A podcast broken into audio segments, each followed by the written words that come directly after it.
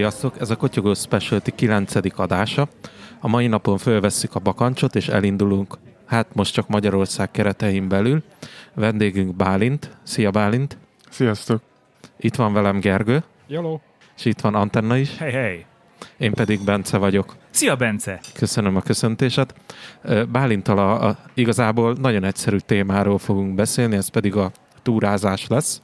És Bálint úgy került a látókörünkbe, hogy aktív twitteres, ahol mindig megosztja, hogy merre fele jár, merre fele kirándul, és erről vezet is egy blogot, ez a bálintúrázik.net szájton érhető el, ahol nem csak túrá, túrákról beszél, hanem, hanem a felszerelésről is megosztja tapasztalatait, véleményét, és ez úgy felkeltette mindhármunk érdeklődési körét, mert láttuk azért, hogy Bálint egy nagyobb afrikai ország GDP-ét beleforgatta túra felszerelésbe. Bálint, én, én úgy tudom, hogy te igazából ilyen városi gyerek vagy, bet, beton között nőttél föl, és hogy viszonylag későn jött ez a, ez a túrázás dolog. Mi volt az a, meg emellé ráadásul irodis, irodistaként a négy fal között töltöd életed nagy részét. Mikor jött az az inger, hogy te elindulj a természetbe? Az annyira vicces, hogy így, így megszólítod Bálintot, és nézed a szekrényt szembe. Ilyen sonda tekintetekkel oldal, hogy Bálint, én látlak. Egyébként annyi, annyira térjünk vissza, hogy te hogy jöttél képben állunk? Tehát, hogy, hogy nem emlékszem, hogy melyikünknél indult el a kapcsolat, vagy hogyan? Szerintem egy adásban szerepeltem egyszer, még talán pont te voltál. Mert arról volt szó, hogy ki hogy főz, merre meddig igen, az, az volt feltűnő, hogy talán Instagramon jött szembe az, hogy te sütsz főzöl az erdőben így, így mindenféle érdekességet, és, és talán ezt küldtem el nektek, srácok, hogy így nem mi vagyunk a leghülyébbek a világon, tehát hogy, és ez indította el utána a Selmecbánya projektet, hogy kotyogóst főzünk túlzás közben. Ja, ja, ja, hát de ugye hát mi Lófasz Jóska senki háziak vagyunk a Bálint főző teljesítményéhez képest, de erre is ki fogunk térni, csak szegény hadd válaszoljon a kérdésemre. Ez hadd vigyem meg magunkat. Ne, ne, ezt felejtsd el. Másfél óra múlva szó. az ideje. Jó van, nyugodt vagyok. Tehát az, hogy, az, hogy lófaszjósák vagyunk, ezt kikérem magamnak, tehát mi arra a, a, a főzéssel indultunk, nem tudom hány kiló kávéval, meg kávéfelszereléssel, plusz laptoppal, plusz podcast felszereléssel, és én még Windows-t is telepítettem azon a, a túrázáson, jó? Tehát, De azt nem az erdőben, hanem benne a kávé, nem is te a házban. a teaházban, ahol igen. De minek? Azért a podcastot akartunk felvenni, és ott a podcast felvő laptop összeomlott, úgyhogy akkor helyben gyorsan telepítettem, hogy tudjunk felvenni egy adást. Akkor még nem volt ilyen modern felszerelésünk. Ah. Na de, bocs, visszatérve Bence kérdéséhez, hol a bajszod, vagy nem, mi volt a kérdés? Azt kérdeztem Bálintól, hogy ho- honnan indult neki az, az egész késztetés, hogy elinduljon túrázni ilyen városi gyerekként. A beton dzsungelből az irodából. Igen, Igen ez látszik, hogy olvastad a honlapot. Um, igazából uh, onnan indult a történet, hogy megpróbáltam egy hobbit magamnak, őszintén szólva. Tehát én próbáltam fotózni, majd az jó lesz. Nem próbáltam. volt? Eh, elengedtem ide után, tehát beleöltem egy kis pénzt, aztán rájöttem, hogy mégse jó. Aztán én időszakban bringáztam. klubban. Igen, ez így szokott működni szerintem is. Na mindegy is, bringáztam is egy időszakban, aztán rájöttem, hogy az sem az én, én hobbim, én sportom. Hmm, így van klubban. De az, azt használtam, vettem, ott okos voltam már. És mit akarok mondani, a végén végül is úgy döntöttem, hogy akkor most túrázni fogok, mert ez biztos jó lesz. És így is van. Igazából elkezdtem, és akkor szépen mentem és csináltam a túrát. És ez mióta van? Mert lehet, hogy kiderül még ez is, hogy nem a tiéd. Mármint, hogy... Hát, hogy mondtad, hogy fotózás, aztán kiderült idő után, hogy ja, nem, ringázás, nem. És ez? 17 nyara óta van, amikor én elkezdtem, hogy akkor én most mostantól túrázni fogok, és ez lesz a hobbim. Hát két és fél éve. Fogjuk rá. Ha? Uh, viszont én láttam, hogy te szoktál így tervezni, vagy vinni másokat is. Tehát, hogy nem egyedül túrázol általában, tehát nem magadé, hanem úgy másoknak is megmutatod hát, ezt a jóságot. A, igen, igen is, mert nem is. Tehát időszakban um, vittem a munkatársaimat is, azok ilyen inkább kirándulásnak mondanám, de egy nagyon jó közösségépítő történet. No, de várjunk csak, mi a különbség a kirándulás meg a túrázás között? Valamiről lemaradok. Nekem az a tapasztalatom, az átlag emberek 15 kilométert hajlandóak megtenni, és azt én nekem még kirándulásnak számít. Aha és a föld kezdődik nekem a túra. Um, Ezt jó, hogy rendbe tettük, mert most már de akkor ez csak értem. az én saját... Jó, jó, nem, nem, nem így, mert viszont meg, megvan a koncepció. De akkor lehet, hogy én kilógok ebből a sorból, mert akkor ezek szerint én olyan sokat nem túrázok. Hát figyelj, én azt mondom, erre valaki, láttam is, aki azt mondta, hogy 60-nál kezdődik alatt a puhány. Én azt mondtam, hogy ok. De a főzés maga az onnan indult egyébként amúgy, hogy arra kérdésre is válaszoljak, hogy el kell embereket csalni, és csak nem megyünk el, hanem nem, eszünk kint, és így indult az első, hogy elmentünk egy kirándulásra, uh-huh. és akkor össze is dobtunk kaját az emberekkel. És amikor te belevágtál ebbe az egész túrázás projektbe, akkor te, te melyik fajta túrázóként indultál el, hogy fölkészülsz a legutolsó végletekig, vagy azt mondod, á, van egy rossz edzőcipőm, abba elmegyek kirándulni? Én úgy voltam vele, hogy mivel minden hobbi drága, azért először nem akartam belepátolni egy összes GDP-t, úgyhogy én Decathlonnal kezdtem annó, amivel nagyon sok holmi van még onnan. Viszont uh, túracipőm az első az Decathlonos volt, nem is volt vele gond, Um, és azóta így lassan kezdődnek, hogy jaj, meg kell venni ezt, meg kell venni ezt, és akkor egyre drágább homikban, vagy homikat használok. De alapvetően szeretek tervezni, tehát én nekem egy szép excel meg, meg, meg ilyen hasonlók, merre voltam, merre megyek, mennyit mentem. Illetve nekem szeretek térképet nézni hozzá előtte, megnézni, hogy merre fog menni, milyen hosszú lesz, milyen nehéz lesz, mit lehet ott látni. A térkép alatt a manuális, offline papír alapú, vagy idézőben papír alapú térkép, vagy, vagy itt már digitális és GPS alapú megoldás felé kacsingat? Is. Őszintén szóval azt gondolom, kettő megvan az előnye. Nyilván GPS az kényelmes, hiszen akkor az megmutatja, hogy hol vagy, mit csinálsz, merre kell menni, főleg ha megcsinálod magad az utat előre, mint hogy én szoktam. Viszont ugye van ennek hátránya is, akkor azt fog nézegetni végig. Tehát nem is végig, de hogy sokat. És illetve nem marad meg, mivel maga a kilejelző is limitált a nagysága. Értelemszerűen nem fogsz tudni akkor a valós képet szerezni arra, hogy hol vagy. Abban az értelemben, hogy ez most a, nem tudom, látóhegy, vagy akármi más. A papír szerintem ilyen szempontból hasznosabb. Tehát most például az a, inkább a tervem, hogy, hogy jobban megismerni a, azt a fajta térképet. Nyilván az meg a, amilyen minőségű a térképek, hát sérülékeny. Tehát volt, ami túl közben szétmálott a kezemben, tehát a harmadik, vagy második alkalommal. De én voltam például tájékozódási képzésen is annó, mert hasonlóan jól tájékozolok, mint ahogy hallottam te. Úgyhogy... Csoda, ide találtál. Hát, egyébként. De a logika, igazából az volt mögött a döntésemnek a célja, hogy kicsit jobban megismerni a térkép, térkép használatát is, hogyan lehet tájékozódni, mi az értelme, meg hogyan működik egyáltalán. A térkép és az egész GPS-es dolog az a utal nekem, hogy nem a kijelölt utakon jársz feltétlenül, tehát nem a kék tudának a kék érzését követed, vagy, vagy a kijelölt turista útvonalakat, hanem, hanem a mellé is esetleg. At, attól függ. Én, hogy mondjam, én van egy honlap, amit használok erre, mm, talán turistutak.hu, valami hasonló néven fut. Um, ugye ott fönn van az összes magyar turista úthálózat. Én azt szoktam, azt szoktam alapvetően használni arra, hogy merre menjek, illetve merre nézem meg, mit érdemes ott megnézni, mint látványosságot. Viszont valamikor letérek róla, róla. Mostanság főleg van egy olyan kaland bennem, hogy néha akkor lemenjek. Tehát most mondom, azt tervezek egy 20 kilométeres túrát, akkor tudom, hogy ez 25 lesz, mert el fog menni egy olyan részre, amit tetszik. Hogy még kicsit visszakanyarodjunk itt a, a kezdetekhez, amikor úgy döntöttél, hogy ez a túrázás lesz a hobbit, akkor mozgatott egy olyan cél is, hogy ismerd meg kis hazánkat, mozgalom keretein belül eljussál olyan természeti helyekre, ami, amire eddig esetleg nem volt lehetőséged? Egyébként igen. Tehát én azt gondolom, hogy um, mi a szüleimmel gyerekkoromban mentünk ide-oda kempingezni, és annak volt egy ilyen kellemes emléke a fejemben, hogy az biztos nagyon jó lesz most is.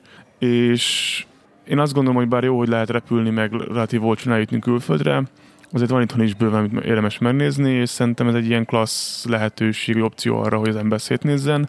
Nyilván mondjuk nálunk dombok vannak, tehát hogy van egy ilyen fajta hátránya ennek, de itthon is van bőven egy ilyen fajta látványossága, amit érdemes megnézni, és ugye most el is kezdődött pár éve szerintem, hogy most megint menő túrázni, főleg két túra lett ilyen nagyon felkapott történet, mm, ami szerintem arra jó, hogy az ember, aki érdeklődik, elkezdi, viszont túl sokan vannak a kék túrán szerintem az én ízlésemnek.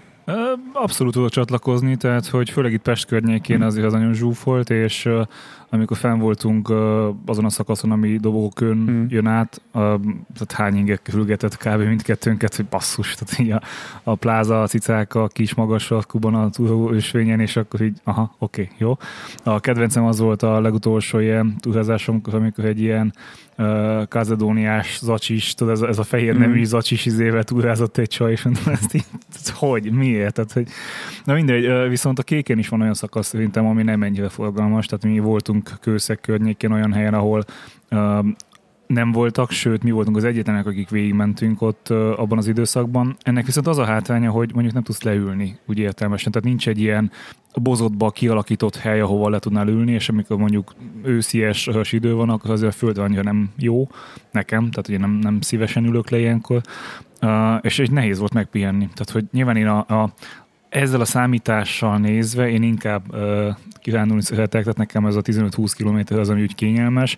Voltunk sokkal többet is, tehát ez a 30 km-es távokat is mentünk, viszont az inkább egy ilyen végigfutottunk, és teljesítsük, és teljesítsük, és nem volt az, hogy álljunk meg nézelődni, nézzük meg, hol vagyunk, tehát hogy üljünk le valahova kényelmesen, és inkább azt mondtuk, hogy kevesebb vagy kisebb távokat, viszont akkor lehet úgy, hogy fél órát, egy órát csak ülünk és nézzük a, a nem tudom, a hegyről lefelé a völgyet, és az úgy tök szép. Ezt preferáljuk mi is, csak jellemzően ugye veletek szoktuk beszélni, hogy nem a kék túrát, hanem általában valamilyen csillagpontos rendszerrel, tehát hogy elmegyünk valahova, legyen az bármilyen magyarországi város település, és akkor az körül általában mindig találni kiépített tanösvényeket és ezek so, sokszor egy környéken több is van, és ugye szokták jelölni, hogy nehézség, nyilván az emelkedés szintkülönbség, meg, meg a, a táv az, ami ezt így befolyásolja. Most nem tudom, hirtelen a Kaphegy jut eszembe, ott is többféle kör túra van, kezdve az egyszerű 4-5 kilométerestől, nem tudom, 20-30 kilométeresek is vannak, úgyhogy, úgyhogy mi is ezt preferáljuk. Ezt a, úgyhogy visszatérve én is így inkább kirándulónak tekintem magam, mint, mint túrázónak, meg hát ahogy Bence fogalmazott, én egyébként ezekre a kirándulásokra se készülök mindenféle technikai ruhákkal, hanem a szakas porcipő, amit már úgy nem veszek fel az utcára, nekem az erre a 10 kilométerre jó. Mennyire túrázol tehát, hogy a tája számít, hogy hova mész.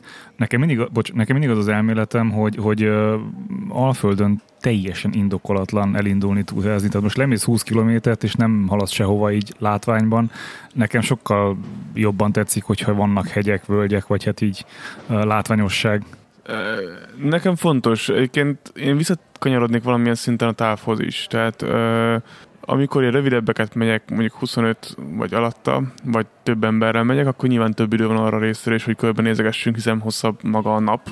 Abban az értelme véve, hogy csak 25 km kell menni, vagy 20 vagy akármennyit, és nyilván akkor jobban van idő akár, akár körbenézni, akár sütni, főzni, de valamikor így jó önmagam határait feszegetni is. Tehát van egy ilyen, ilyen jellegű is, amikor nagyon okos voltam, és például Covid alatt nem voltam túrázni, majd májusban elmentem két nap alatt 94-et.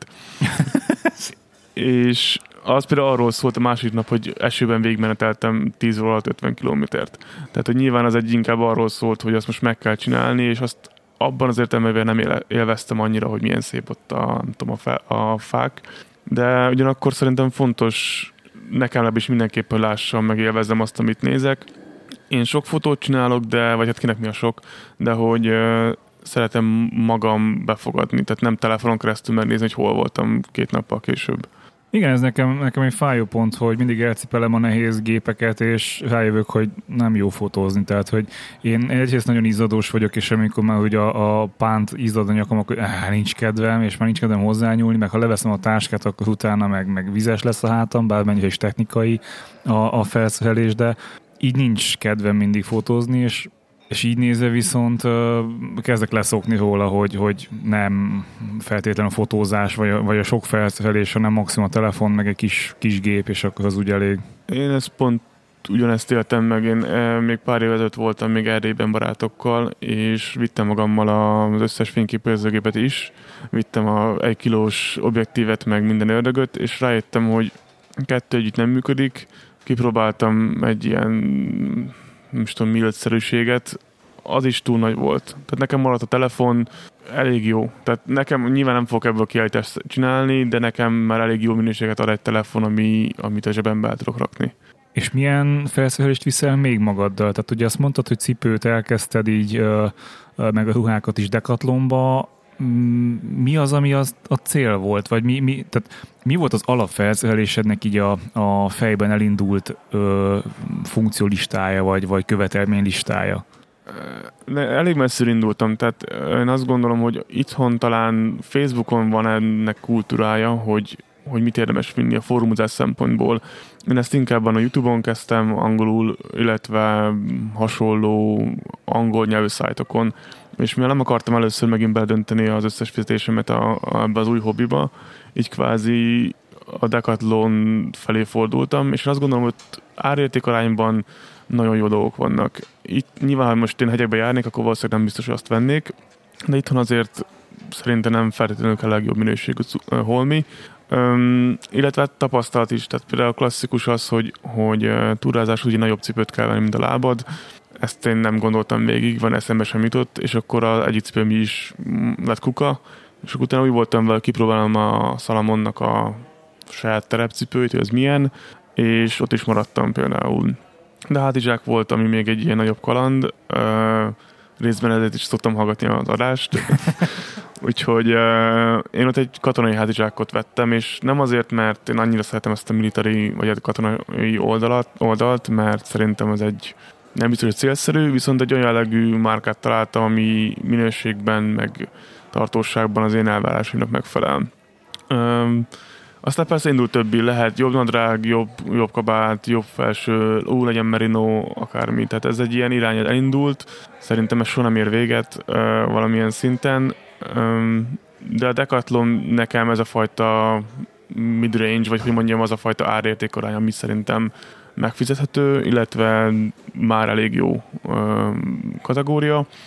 Az, hogy mit viszek magammal, nyilván ez, ez hozfüggő is, vagy kivel megyek. Tehát, ha mondjuk innen alszom, akkor értelmszerűen vinni kell derékaljat, hál- hálózsákot, ö, több élelmiszert, akármi.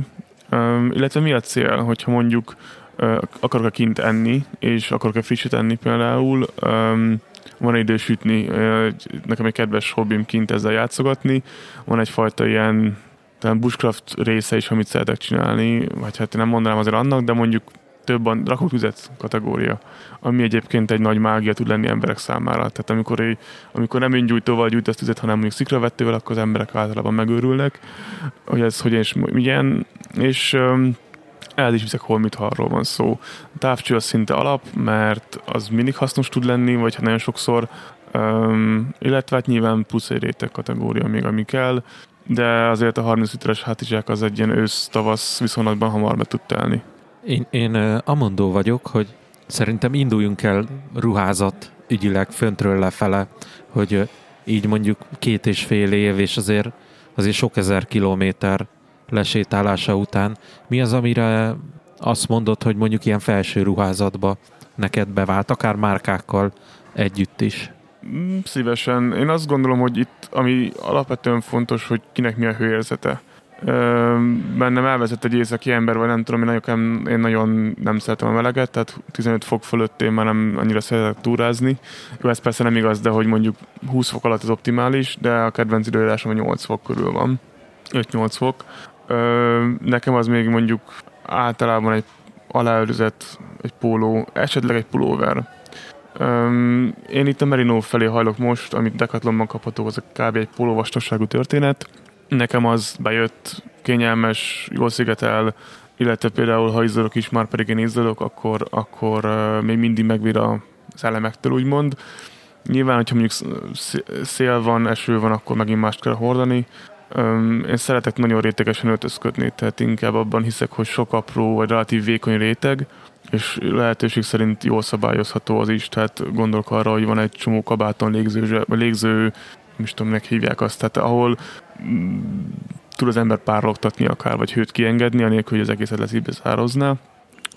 Ha már felsőtest, szeretem a sálakat, szerintem egy baromi hasznos dolog a csősál.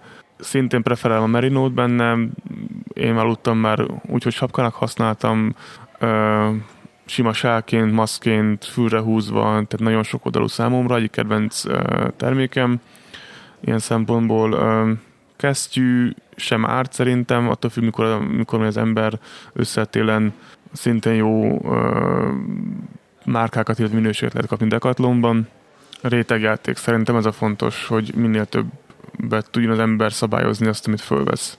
Nadrágba ugye a túrázók közt van egy ilyen éles határvonal, hogy van az, aki ugye mindig hosszú nadrágot hord, mert hogyha túrázik, akkor hosszú nadrág kell, és keresztül menni a bozóton, meg minden. És van az a réteg, aki meg rövid nadrágot hord. Te, te melyiket erősíted?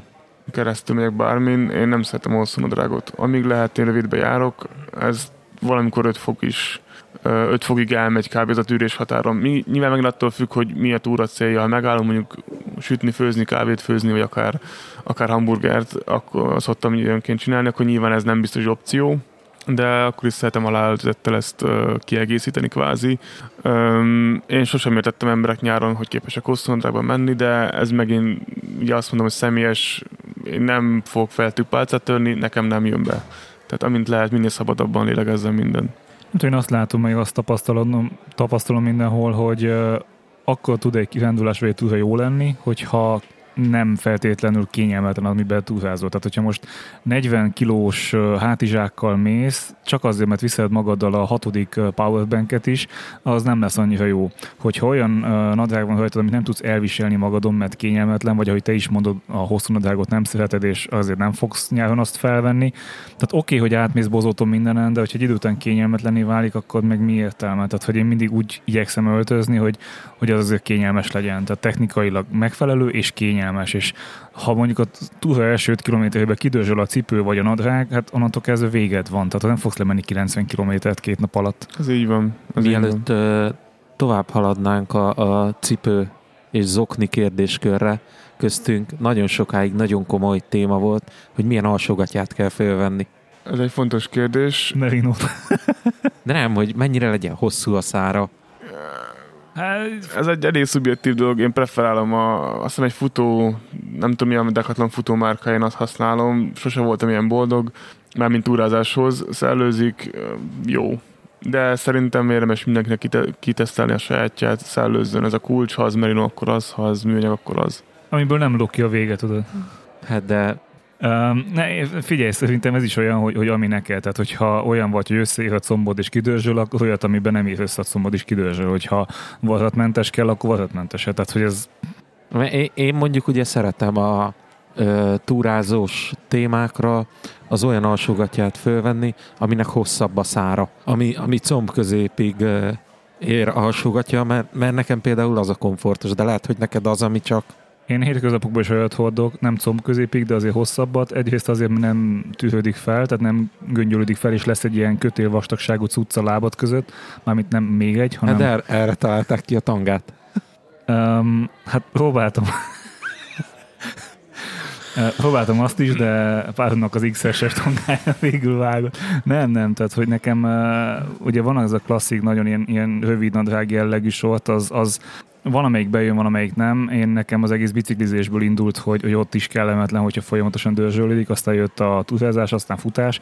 Aztán rájöttem, hogy igazából ezek a, a szintén dekatlonos merino alsók, amilyen hosszabb, és egyébként nem lehet kapni, tehát hogyha a webshopon látok, és mindig van egy-két darab, én ezt felvásárlom. Tehát havonta egy-kettőt biztos, hogy veszek, úgyhogy Uh, nekem az vált be, de egy hétköznapokban is. Akkor, hogyha tovább haladunk a, a zokni és cipő témakörre. Te ugye sok cipővel próbálkoztál, idézőjelbetével, illetve most már, hogyha jól számoltam, akkor a harmadik terefutó cipődet koptatod. Úgy is mondhatjuk, hogy terefutó cipő evangelista vagy. Én, én miattad vettem egyébként terefutó cipőt. Erről picit mesélnél, hogy, hogy miért is jó ez a terepfutó cipő téma, helyettesítve, felváltva a az úgymond idézőjelbe tett rendes túracipőt? Persze szívesen. Én azt gondolom, hogy, hogy nagyon sok típust írnak, hogy mit érdemes hordani és mit sem. Rengeteg fajta van. Mikor írtam egy összefoglalót magam részről erről, olyan típusokat hallott, vagy írt, olvastam, amiről nem is hallottam még korábban. Én úgy voltam vele, hogy, hogy volt egy sima dekatlonos bőrcipőm, teljesen jó volt, csak nem, tehát kisebbet vettem, mint amit akartam, hogy kellett volna, és igazából úgy voltam, hogy kipróbálom ezt a túracipő helyett a futócipőt, amit mindenhol javasolnak. És a márka az a Salomon volt, én ebből több típust kipróbáltam, és bejött egy, az egyik, ami uh, ből vettem hármat is azóta. Tehát én azt gondolom, hogy megint igényfüggő ez, hogy kinek mennyire bírja a bokája, ki mennyi cuccot cipel a hátán, ki milyen hosszra megy. Nekem izadékon a lábam, nem szeretem a bakancsot, hanem muszáj. Télen sincsen rá szükségem, nekem nem fázik a lábam annyira, hogy kelljen. Ebből van vízálló, vagy hát kvázi majdnem vízhatlan verzió is könnyű, sokkal könnyebb. Ö, nyilván megvan a hátránya, hogy ez sokkal könnyebben tönkre megy. Tehát az első páram ugye azt írják, hogy 800 km körül ajánlják, hogy cserécipőt, ha futócipőt veszel, ez olyan 400 körül kezdett szétjönni, viszont nagyon kényelmes volt, nem kell betörni, nem kellett vele játszalozni, nem kell ápolni, ami lehet, hogy furán hangzik, de nem kell zsírozgatni, meg, meg vaxolni, meg minden ördög, hanem felveszem, sáros lesz, sáros lesz, leveszem, akkor utána vége a történetnek. a könnyű. Nekem a bakancsom az egy kiló fölött van darabja, és a cipő meg 300 gram. Az ember nem hinné, de sokat számít. És őszintén szóval jobban is tapad, mint mondjuk egy bakancs nekem a magyar terepen. Nyilván, hogyha én most külföldön mennék hegyekbe, akkor valószínűleg vennék egy bakancsot. Voltam ott telefutócipővel, vagyis az túracipő volt, nem volt jó Tátrában. Tehát nyilván megint másra, másra, más célra más cipő kell, vagy lábbeli. Itt szintén azt tudom mondani, mint a lassogatjánál, hogy alapvetően a cipőbe is, ami, ami kényelmes, mm. és ez nagyon sok esetben sajnos, ez pont egy olyan dolog, ami az, hogy a boltban mászkálsz vele fél órát akár, és, és próbálgatod, az nem fogja azt megmutatni, hogy milyen lesz az, amikor mondjuk lefelé mész sokat, vagy fölfele mész sokat, vagy feltetepe mész sokat, úgyhogy, úgyhogy ez, ez egy eléggé költséges buli tud lenni. Nekem az volt. Tehát nekem az első túrám, ami nem tudom, 5-6 évvel ezelőtt volt egy kék, egy kék szakasz, ott elmentem azzal a cipővel, ahogy, ahogy G is mondta, hogy hát amit már nem veszek fel az hmm. utcán.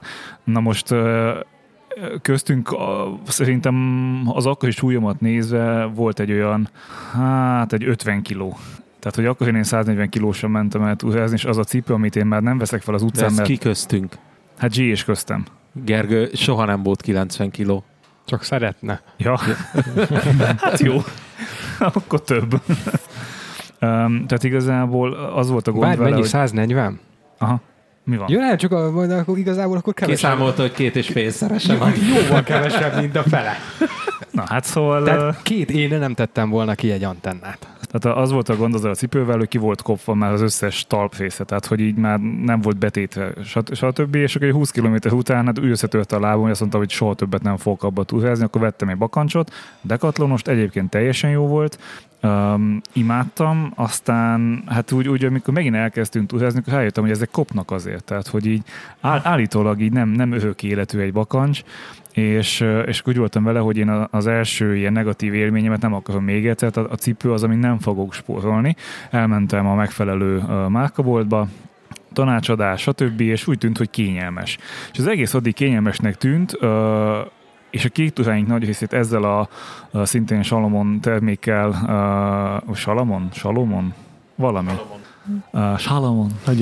A termékkel uh, mi jártam le, és ott tűnt fel, hogy ez nem biztos, hogy nekem kényelmes, amikor megvettem a Skechers cipőmet, ami széles fejű, tehát hogy mm. eltűül benne a talpam, és, a, és a, a, a, az érzés utána nagyon kellemetlen volt a bakancsba, és ez az összeszorít mindenhol nyom, tehát ez a Jézusom, én hogy tudtam túlhelyezni, úgyhogy, úgyhogy az, az így nagyjából leváltásra került meg használtam már annyit, hogy, vagy lehet, hogy nem ápoltam, és emiatt elkezdett betöredezni, így a különböző helyeken úgy, úgy megszakadni, úgyhogy, úgyhogy váltottam, és most én is egy ilyen, ilyen cipőbe indultam, és utána beszélgettetek Bencével, hogy van ez a, a lehetőség, hogy a, a futócipő, úgyhogy hát már itt tikkel a szemem, hogy el kéne kezdeni nézegetni, és amikor a Decathlonban voltam, akkor kérdeztem is Bencétől, hogy hol van a vízhatlan esetleg, mert hogy így nekem az volt az elképzelés, elképzelésem, hogy most az őszi időre a nyári cipőmet leváltva inkább egy ilyen jellegűbe mennék, az utcai cipőbe, vagy egyszerűen tesztelni, viszont ahogy akárhogy néztük, Decathlonban nincs saját márkásban ilyen, ilyen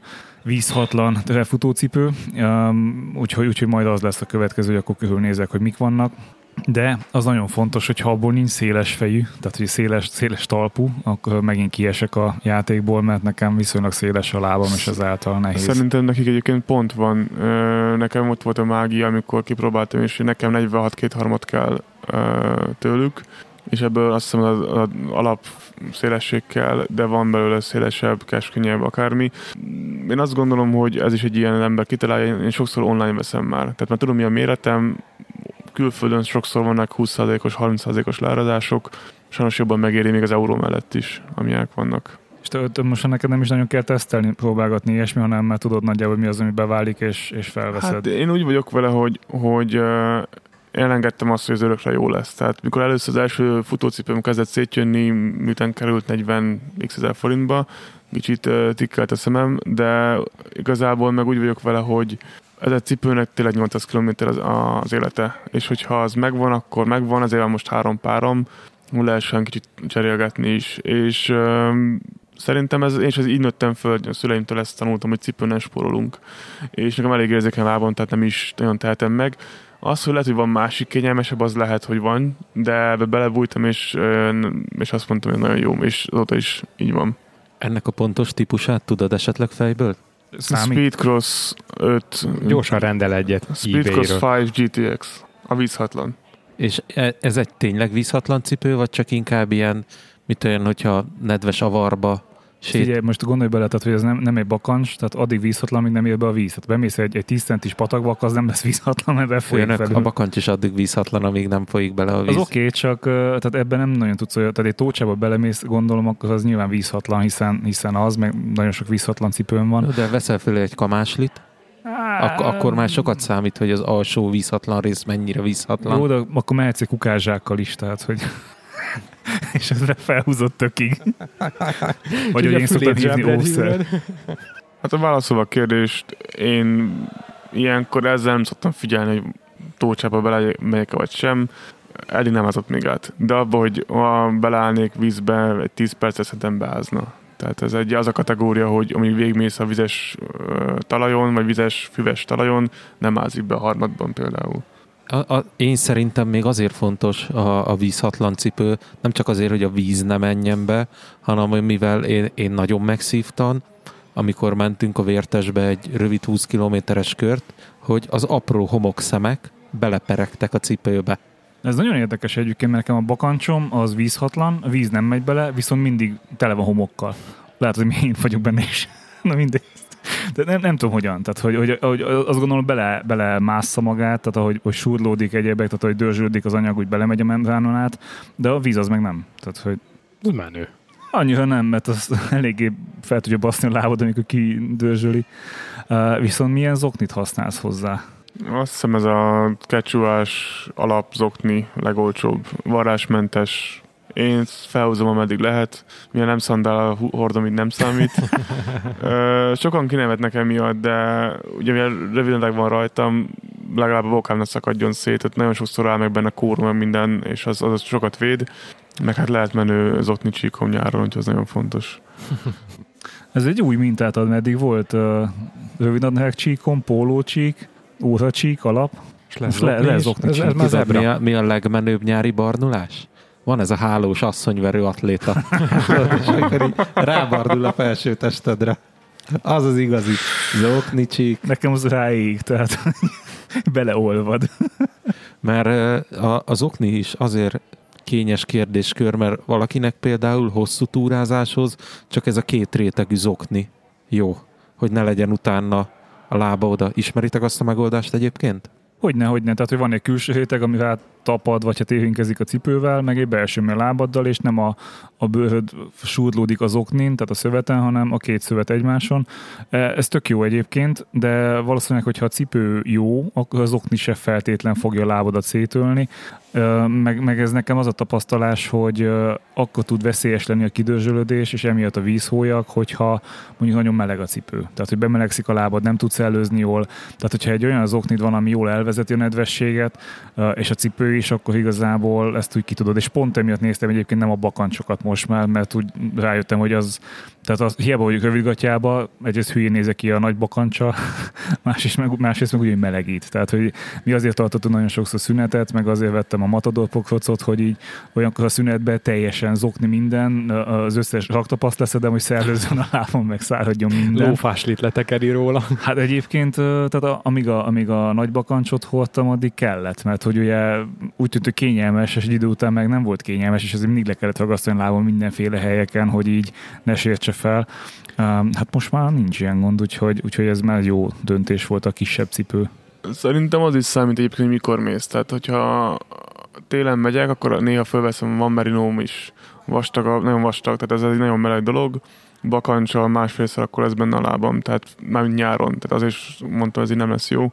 Ez a műanyag, vagy hát kvázi műanyag dekatlanos a megoldás, viszont ha nem állod meg sokat télen, akkor arra is jó. Mind a kettő varázsmentes, ez megint szerintem tapasztalás, hogy kinek mi, ami bejön és kényelmes használni. A napsütést azt megbeszéltük, hogy, hogy nem, nem kedvenced. Mi van az esővel? Tehát, hogy esik az eső, akkor te otthon maradsz, vagy az nem kihívás?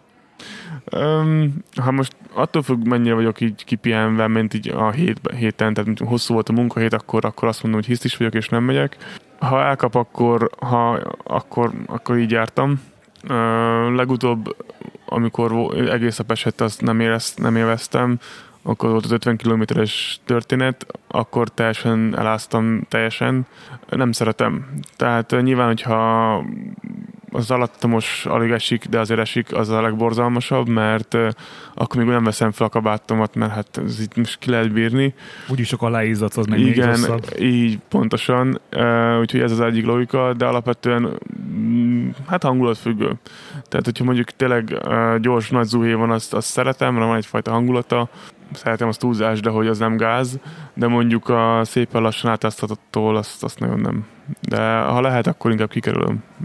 Ha ruháktól távolon megyünk, akkor meg táskák ugye voltak. Mi az, amit még viszel magaddal? Tehát gondolok itt kötszer, gyógyszer, nem tudom, napvédőszer, kullancs, egyebek. Tehát ez, ez, ez megvan nálad, vagy így annyira nomád, vagy ezt fucking nem érdekel? Nem, vannak nálam, van nálam ilyen kis menő kis táskákat vettem még uh, magyar gyárt meg kibú, nem tudom, ismeritek-e. Kivettem egy kettő rendszerezőjét. Uh, nyilván van, hogyha úgy mondjuk, hogy sütök főzünk, akkor van nálam baltak és mindenféle tűzgyújtó eszköz, akár élesztékek, nyírfakérek, meg fenyőfának a fat food, nem tudom mi magyarul, aztán foklának for, lett fordítva. Tehát van ebben nagyon sok ilyen tűzgyújtó eszköz, még, akár még fűrész is. Ha ilyennel nem ülünk, akkor nem viszem magammal, um, értelemszerűen, mert nehéz is, tehát hogy még egy 50 kilométert nem fog magammal cipelni plusz egy kilót. Én szeretek kint, ha nem is főzök, akkor egy kávét összerakni, egy gázfőzővel az hamar megvan, tehát a bögre az mindenképpen alap hozzá a fej, um, akkor nyilván kell egy gyufa, vagy egy öngyújtó, Kávé. Um, meg a kávé, maga igen, az is logikus. Meg ördlő, um, meg a... Nem, nem. az aromaboly, meg... Így van. Um, Filter. 220-as táp. Egyéb ilyen szinten egyébként amúgy nem nagyon szoktam magammal vinni sok mindent. Tehát van nálam készfertőtlenítő, főleg mostanság, az nem árt. Um, előfelszerelés nálam nagyon nagy nincsen. Tehát én azt gondolom, sokan visznek magukkal egy félvilágot, főleg egy napos túra nem láttam értelmét. Um, azt gondolom, hogy a baleseteket el lehet kerülni, mondjuk a baltával a belerakom a lábamba, az mondjuk szerintem azt meg kell tanulni, hogy hogyan használom. Mondjuk azon az csomag nem segít, tehát hogyha ketté vágod a lábad. Valakinél van érszorító, meg ilyen hülyeségek, és akkor úgymond az a... Rajtam azért nem segít, mert elájulnék, és olyan mindegy, hogy mitől Bencénél biztos van. Világos. Nem, ő a hosszabbítóval oldja meg, tehát az az szorítja a lábát. Érszorító van nálad? Van a kis tatonka Mondtam. gyárilag. Mondtam Nem, nem kérdés. De, de most, de most mit rögtök? A taton, tatonkának vannak ilyen előre összekészített uh, elsősegédcsomagjai, azt hiszem három méretben is kapható, és abban szinte minden van. Kis nővérek. Így van, így van. Szól neki törlés szívást, ezt csinálja. Főfújható. Az, az egy másik csomagban van. Én igazából annak néztem annak utána, hogy mi a legnagyobb, úgymond, ami komoly problémát tud okozni. Tehát uh, nyilván kellemetlen feltörik a jó van nálad raktapasz, meg, meg uh, ilyesmi, de alapvetően az elsőleges, amitől bajod lehet kihűlés, el, nincs elég víz, tehát vízből én, én hajlandó vagyok magammal cipelni vétel mennyiséget. Ez szám szerint, szám szerint mennyit jelent? Attól függ, tehát most attól függ, merre megyek. Ha van, uh, tudom, hogy a közkutak alapján, az alkalmazás alapján lesz kút, akkor én szeretek két-három litert magammal vinni, mert nekem az úgy jó, sokat szoktam vinni fel a nyáron, a helyre megyek, ahol nincsen, akkor én megiszok egy, egy túra alatt 5 liter simán nyáron, plusz még előtte utána.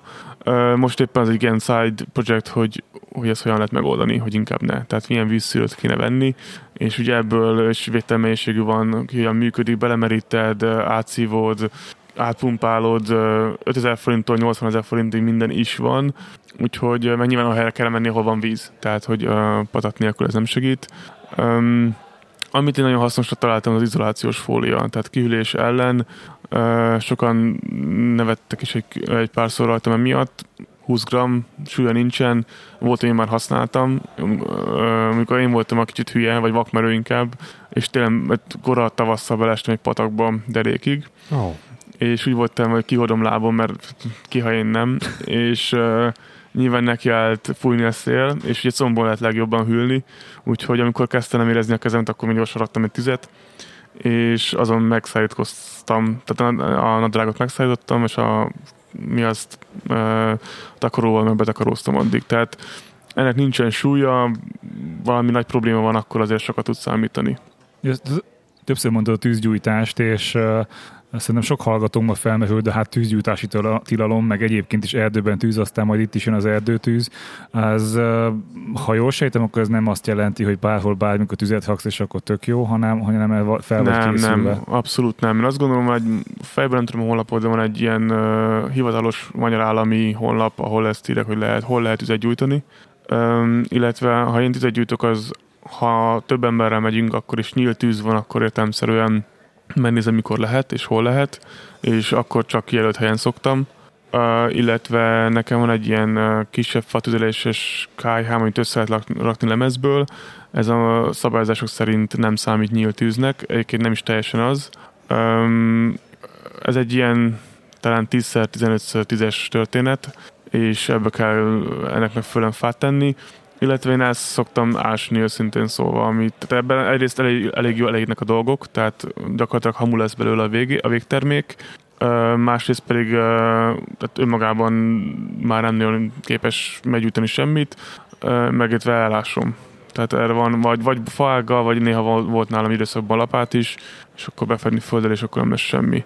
Ha van annyi fölösleges vízem, akkor még vízzel még átítatni, ez egy fontos dolognak tartom, hogy erre azért figyeljünk, mert uh, nyilván főleg nyáron, amikor, amikor uh, minden száraz, akkor nagyon hamar tud tűz lenni ebből. És ez ad elég hőt egyébként, hogy meg tudja sütni kaját hajta? Tehát ugye ez, ez, a, ez a kis uh, nem szabad, vagy mondtad nem nyílt tűz, vagy nem szabadon lévő tűzhely? Nem nyílt tűznek számít hivatalosan. Uh, hogy mondjam, ezen egy, egy-két emberesre kényelmes. Tehát amikor lányunk barátokkal, és mondjuk négyen vagy, vagy többen, akkor már mondjuk nem jó, mert sokáig, a több kör Uh, ilyen mellékes projekt az is, hogy a milyen serpényt kéne venni, ami elég nagy, de nem túl nagy uh, típusú történet, és nem öntött vas, mert az önmagában végtelen. magát, magában. Hát figyelj, most van egy ilyen, nem tudom, a, a belső átmérője kb. 11-2 centi lehet, azt viszem magammal, szerintem az egy bő egy kiló. Ikea-ban van Igen. ilyen nagyon pici, ilyen egy tojásos méret. Az használtam, viszont teflonos, és ugye nem tudsz szabályozni a hőt, hogy teflon nem akarom megenni. Ha. Úgyhogy nem a célen gondolkodom, de hát amik vannak, az vagy, vagy jelentősen nagyobb, vagy, vagy kisebb a hasznos felülete. De ebben egyébként tojás, két tojás be lehet sütni. Na pont ezt akartam kérdezni, hogy mit, mit, mit, milyen kaját készítettek kinna vadonban. Én vegán hamburgert. Vegán Jó, hamburgert igen, például igen. egy kis hatalmas nagy szelsonkával. Um, biztonság kedvéért. Én is mostanság kevesebb húst szoktam enni egyébként amúgy, úgyhogy nem tudom, hogy ti hagytok-e ki rám, vagy csak, vagy csak hogy egyáltalán. Um, attól függ, mennyi kedvem van, tehát, vagy mit akarok sütni, tehát hogyha, hogyha mondjuk ketten mondjuk barátnőmmel, vagy egy, én magamban megyek, akkor hamburger szívesen csinálok. Az egy, mm. otthon megcsinálom a pogácsát, megsütöm ugye kint a húst, akkor kicsit, ha van kedvem, akkor sajtot hozzá, meg, meg akár tojást, megpirítani a zselmét, és készen van. Ö, tojás az klasszik, az egy ilyen tipikusan jó történet. Ö, kb. ilyen szinten, esetleg hmm. zöldséget, de nem, attól függ, milyen hosszra megyünk. Tehát ha megyek egy 10 km, akkor nyilván ráér sütögetni. Volt, amikor a szalonnát is, vagy mi az, bacon csináltunk még hozzá, meg, meg le, mi az, hagymolekvár. Tehát vannak ilyen extrém történetek, az nyilván idő. De De alapvetően tojás, ha az a leggyorsabb, az egy ilyen könnyen lehet szállítani, és van benne elég fehérje, és akkor úgy. Tehát kb. szinten. Ez a, az e- erdőben főzzünk dolog, ez, ez miért jött neked egyszerűen késztetést? Ez, ez ilyen hobbinak tekinted azt, hogy főzél? Szóval, hogy fölvezessem a kérdést, te a mindennapokban is így, így főzöl? És, és van Igen, benne... minden nap kimegy az erdőbe, megfőzi, és hazaviszi az asszonynak a kaját. Lelövi a disznót előtte. Szóval, hogy, hogy ebbe a főzésbe van rutinod, és azért mertél így belevágni, hogy akkor a túrázás alatt majd tök könnyen összerakok magamnak valami kaját? Hogy leegyszerűsítem a kérdést, miért nem téli szalámi szendvicset csomagolsz? Igen, Ott igen, van Még és igen. egyszerűbb a kérdés, szoktál főzni? Oké, most három mezőről meghallgattam, igen, szoktam. Tehát uh, én, én, én ezt otthon kezdtem még szerintem, hogy a, én munkahelyre se viszek magam, vagy főzök, vagy mi az, veszek magamnak kaját, hanem, hanem sütök, főzök általában. Uh, barátnőmmel felváltozott tud csinálni, illetve a Jézus ereje. Próbáltatok, hogy együtt csináljátok, hogy általában jobb. Hamarabb végeztek. Csak hallottam róla. Na mindegy is. Uh, szóval um, kis komolyságot kérnek itt a résztvevőktől. Szóval az egész onnan indult egyébként, hogy pár éve az interneteken láttam olyan dolgot, hogy öntött vasserpenyő, és vettem is gyorsan Kínából egyet, és rájöttem, ebből lehet kisebbet is venni, mármint kisebb serpenyőt. És Azt hittem Kínában mindenki sem. Hát nekik ez családi volt. Ne, az el, vasserpenyő, tehát- ez most, most Bencénél is van egy, hogy ő is vett. Igen, vettem öntött vasserpenyőt. Én is, én is kacsingatok vele. Mondjuk nem ez erdőbe, hanem úgy, úgy a hét, hét, hétköznapi Hát használat. a vok- vokban a kajakészítés volt így a vágyam, és, és egyszer vettem egy vokot, ami kb. így felle akkora, mint ez az asztal, tehát hogy egy ilyen, ilyen 40-50 centi átmérőjű, és Jó, két 20 centi kézzel, mély. és, és két kézzel alig emeltem meg, és rájöttem, hogy ez így nem. Tehát, hogy ebbe egy, tehát ami pirított tésztát nagyon jól lehet benne csinálni, de az, utána azt az edényt tárolni bárhol, vagy mondjuk elmosni, az esélytelen, és az is öntött vas. Tehát, én Pedig a vok pont az, amit nagy lángon szoktak. Tehát talán az még egy, csak abból meg nem létezik pici, amit praktikusan tudsz vinni magaddal. ott a hiba, hogy elmosod egyébként amúgy.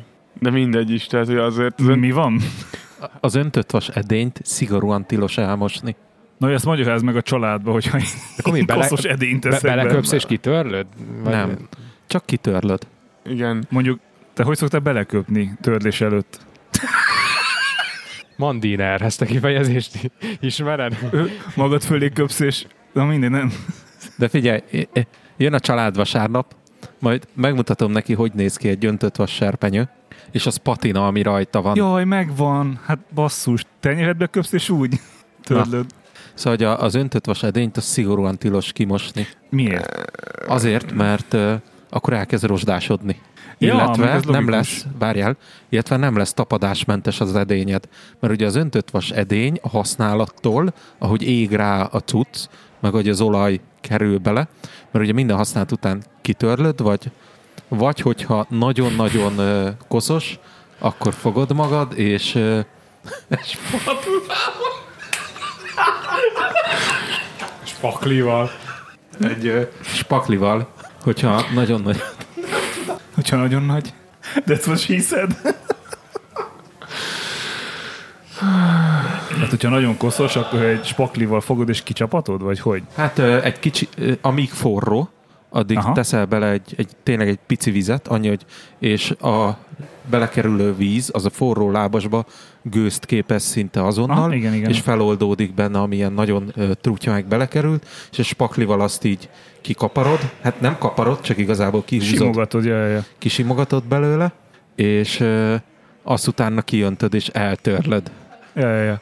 Nem tudom, én ezt, ezt egy ilyen misztikumnak gondoltam. Nagyapám az mindig szalonnabőrhöz tisztította az edényt. Én úgy gondoltam, hogy csak lusta. De ezek szerint van benne, Hát- van benne hát- ráció. Egyébként polimerizálódik szépen rajta az olaj, meg a zsiradék, és akkor attól nem fog rozsdás lenni. Nekem legrégebbi az három éve van, meg talán serpenyő, nem mondanám tapadásmentesnek, viszont jobb benne az étel, és innen jött a, a maga az ötlet is, hogy kint sütni. Ugye öntött vasárpenyőben hamburgert otthon nagyon jó lehet össze, összerakni, és nyilván nem fogom elvinni a másfél-két kilós verziót, úgyhogy ezért vettem a kisebbet, és um, igazából onnan indult, hogy nyílt üzem minden jobb. kategória, és akkor ezzel kezdődött az első kaland, és igazából uh, hamburgert már régebben szoktam csinálni barátoknak, vagy magamnak, vagy ismerősöknek is, és akkor így volt egy ilyen ötlet, hogy vigyük ki az erdőbe, a, hogy igazán jól legyen fán. Ha már az erdőt nem tudjuk odahozni. Még. Még. Uh, de akkor gondolom otthon nem így sütsz főzöl, hanem otthon más módszerekkel. Mármint mire gondolsz? Hát nem nyílt tüzön és erdő és egyebek fával, hanem... Hát hanem... nyílt tűzön, csak gázon, tehát uh, hogy nem okos legyek, de igen, tehát én, én például reggelihez rendszeresen késerpényt használok, egy öntött vasat, és akkor úgy megy a, a kaland, de... Abba az apkásat elég körülményes megcsinálni. meg, Ez meg a séket. meg Ez így van. Nem, egyébként a kérdésem oda akart volna kiukadni, de megválaszoltad, hogy, hogy ezt Bencével beszéltük, hogy öntött vas serpenyőt lehet-e Mm. villanytűzhelyen, vagy, vagy érdemes-e azon használni, vagy, vagy csak a gáztűzhely az, ami igazán fel tudja melegíteni. Azt nem tudom, én nem próbáltam a villanyon, de igazából próbáltam, működik. A gáz jobban szeretem, jobban lehet szabályozni szerintem, de Németek is ezt mondták. lesz mit vágni. Mit? Jó, abszolút. Egyébként a villanyt könnyebb szabályozni, csak, csak lassabb és bonyolultabb. Tehát, hogy amit ott beállítasz, mondjuk, mit tudom én, a a kettes fokozatnak az végig kettes fokozat lesz, csak amivel az felmelegíti a serpenyődet, az, az tehát nem... Figyelj, igazából gázon is így működik, tehát a, attól függ, nyilván mit akarsz csinálni, ö, tojás vagy békont, ott éppen te- hirtelen, hirtelen lángon szeretnél mondjuk egy, egy burgert csinálni, akkor értelemszerűen hagyni kell gázon vagy tűzön is felmelegedni, de még egy békönhöz éppen az a lényeg, hogy, hogy ha kint süt, akkor parázson csináld meg, otthon meg nyilvánvalóan ö, alacsony lángon. Um, de igazából szerintem, akinek van hozzá keftelése a sütéshez, főzéshez otthon, akkor azt szerintem kint is megtalálja a számítását. A másik magic az, hogy tűzgyújtás kint, oké, ez nyelven működhet, sőt, viszonylag egyszerű, hogyha nem Mhm. ázott szét a fal, de mi van télen? Hát ilyenkor jön be normális eszköz, tehát én ezért viszek magammal alapvetően baltát fűrészt. Most nem azt mondom, hogy én vagyok a legjobb, aki ö, bármikor tüzet csinál, de relatív egy, egy közepesen erős képességet mondanék, hogy van. Körbenéz az ember, milyen fa van, fölvágod, földarabolod, és belül általában a legtöbb fa még száraz, tehát ott már el lehet kezdeni.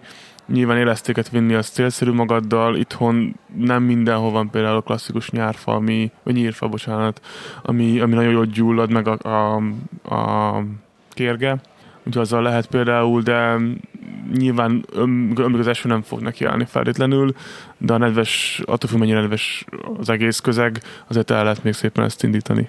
Hogyha elindulsz itt télen, és, és nem lesz uh, tűzgyújtási lehetőséged, viszel magaddal kaját? Tehát viszel valami táplálékot, Persze, vagy csak persze. arra támaszkodsz, amit megsütsz? Ö, mindig viszek magammal, tehát azért, hogy mondjam, ö, minél hosszabbra megyek, azért általában jó kint sütni két, három, négy, öt, hat tojást, azért ez nem elegendő. Főleg inkább fehér rész kell, inkább a szénhidrát a túrához magához. Ö, ilyenkor mindig jellemzően zabot szoktam enni otthon, Ö, ugyanakkor szoktam zabszeleteket, vagy műzlit csinálni otthon, ilyen műzliszetet megsütni, és azt elvinni, de mindenképpen kell plusz kaja, tehát azért azt meg kell tanulni szerintem az étkezést is, hogy egyrészt mi kell, mennyi és milyen gyakran. Tehát abban is olyan, mint a réteg játék, hogy sokszor keveset szerintem. Itt már a beszélgetésünk elején emlegetted, hogy több napos túrákra is elmész. Ez akkor ilyen teljesen szabadban történő bivakolást jelent? Szóval, hogy semmi menedékház, turista szálló, vagy akármi, hanem viszed magaddal mondjuk a kicsi derékaljat, amit kiterítesz és ráfekszel, vagy cipelsz magaddal sátrat, hálózsákot, stb. Ez a következő nagyobb projekt, amivel így ide foglalkozom. Egyrészt a menedékházas megoldás, vagy akár turistaházas megoldás. Tehát hova érdemes elmenni, az mennyire komfortos. Ez alatt azt értem például, hogy folyóvíz van-e, tehát lehet még akár lezony- lezonyozni. Engem az megmondom őszintén frusztrál, hogyha mondjuk egy nyári esté, nyári nap után végig túrá- túráztam, akkor másnap még ö, folytasson tovább tisztálkodás nélkül. Nekem ez annyira nem megy. Ha meg a szabadtéri részére gondolunk, akkor ott pedig azon gondolkodom éppen, hogy mit érdemes venni, tehát ponyvázni, függőágyazni, ponyvázni, derékajazni, há- hálózsákozni, vagy sátrazni és úgy ezt megoldani. Erre még nem volt időm így megfelelő módon utána nézni az én igény szintemnek, úgyhogy még egyelőre abban csinálom ezt, amikor csinálom, hogy, hogy ö, derékai hálózsák és mondjuk egy építményben kint aludni. Ezek általában az utóbbi pár alkalomban kilátók voltak, ahol volt egy relatív zárt rész, ahol más emberek nem járnak, és akár mondjuk nincs, nincs olyan veszély, hogy nem tudom, nagyon megázok, vagy rámesik egy fa, vagy bármi hasonló. Találkoztál állatokkal kint? Tehát most nem magakra gondolok, hanem így nagyobb állatok, vaddisznó, őz. Persze, rendszeresen. Ez azért szerintem jó érdül menni, mert az ember általában magával nem beszél hangosan, jó esetben, vagy nem túl hangosan, és így nagyobb esélye lehet találkozni állatokkal. Szerintem két éve lesz novemberben találkoztam egy nagyobb csapat vaddisznóval, ami ugye mindenki azt hiszi, akkor azonnal meghalunk és húzunk egy zrínyit. Nekem az a tapasztalatom egyébként ezekkel, hogy ők jobban félnek tőlünk, mint mi tőlük. Én akkor is ott relatív tapasztalatlan voltam. Próbáltam ott elslisszolni mellettük, ők meg úgy nem nagyon törődtek velem, és így kvázi pont az én utamon voltak, mert én akartam pontosabban menni. És a tapasztalat az, az, hogy ha az ember zajong, akkor elmenekülnek. Tehát ami, amíg, amíg nem állítod őket nagyon nagy választás elé, tehát egy olyan helyre, ahol nem tudok elmenekülni, akkor, akkor az én tapasztalatom eddig az volt, hogy nem fognak neked jönni. Őzeket, szarvasokat szintén láttam, nagyon mókás, hogy milyen hangjuk tud lenni, tehát az őznek a ilyen vészjelzés hangja az ilyen kvázi kutyaugatási jellegű történet, de volt, hogy a szarvas mögé tudtam menni például, és egy 10 méterről tudtam megnézni az állatot egy jó fél percig. Tök jó. Nyilván vannak olyan, olyan részek, ahol, vagy olyan időszakok, amikor ezt, erre jobban kell figyelni, akár vadászat, akár ö, szarvasbőgés, amikor azért kicsit jobban kell erre odafigyelni. Akkor szarvas jön mögéd. Vagy a vadász. És az nem az a puska. Szóval én azt gondolom, hogy azért itt, itt nyilván az ember vendég az erdőben, tehát hogy ennek megfelelően kell viselkedni. Szerintem nagyon érdekes az, hogy mennyire elszoktunk azoktól, akár az zajoktól, vagy, vagy állatoktól, amik az erdőben vannak. Ó, erre van a klasszikus mondás, amit mindig fel szoktam emlegetni, hogy ugye pár éve visszatértek, a, vagy egyre több a poloska, és a tévében a szakértő nyilatkozta, hogy nem lett több, csak eltávolodtunk a természettől. De amúgy biztos, hogy több. Vagy csak én távolodtam nagyon messze, mert most idén is rengetegen vannak. Na mindegy, csak o- o- o- osztom a véleményt, hogy, hogy, hogy el, elszoktunk ettől. De csak egy, egy dolgot említenék meg, amikor egyszer um, kevékről sétáltam hazafelé szürkületben, és hallottam nagy zajt jobbról, már felkészültem, hogy meghalok, és kijött kb. két vörösbegy és a bokorból, és egyszer annyira hangosak voltak, Igen. hogy azt hittem, hogy nagyobb állat fog jönni, mert ugye nincs, tehát nem tudtam felmérni akkor, hogy ez kb. mekkora, mekkora lényt jelent. Én, én mondjuk igazság szerint a Blair Witch Project óta félek az erdőbe, sötétbe, tehát az nekem, nekem, nekem nagy para, hogy az erdő, sötét, zajok, vá. Az szuper érdekes egyébként amúgy, tehát van egy, egyszer voltam egy túrát, ami hosszabb lett, mint terveztem, és van az a szakasz a szürkület után, amikor a nappali állatok már nem, az éjszakaiak meg még nem zajolnak, vagy énekelnek, vagy motoszkálnak, bármi, nagyon ijesztő. Uh-huh. Tehát semmi, tehát szó szerint semmilyen zaj nincsen. Uh. Az, nagyon, az nagyon, az emberből így felállt a hátamon a szőr konkrétan szó szerint. Igen, arra készülsz, hogyha meg azt látod az összes természetfilmben, meg minden filmben, hogyha csend van, akkor félnek az állatok, mert jön valami nagyobb, és hogyha ott vagy az erdőben és csend van, akkor hogy um, mi jöhet, ami nagy, és félhetünk tőle? Ez azért érdekes szerintem, mert a logika alapján semmi ilyen állat nincs, amit az embert vad, vagy a élelemnek nézi, tehát nem fog kiugrani a bokorból egy grizzly, vagy akár egy csapat far, vagy falka farkas. Szerintem ez csak maga a, a ilyen ösztönös félelem talán. Hát a félelem az ismeretlentől. Igen.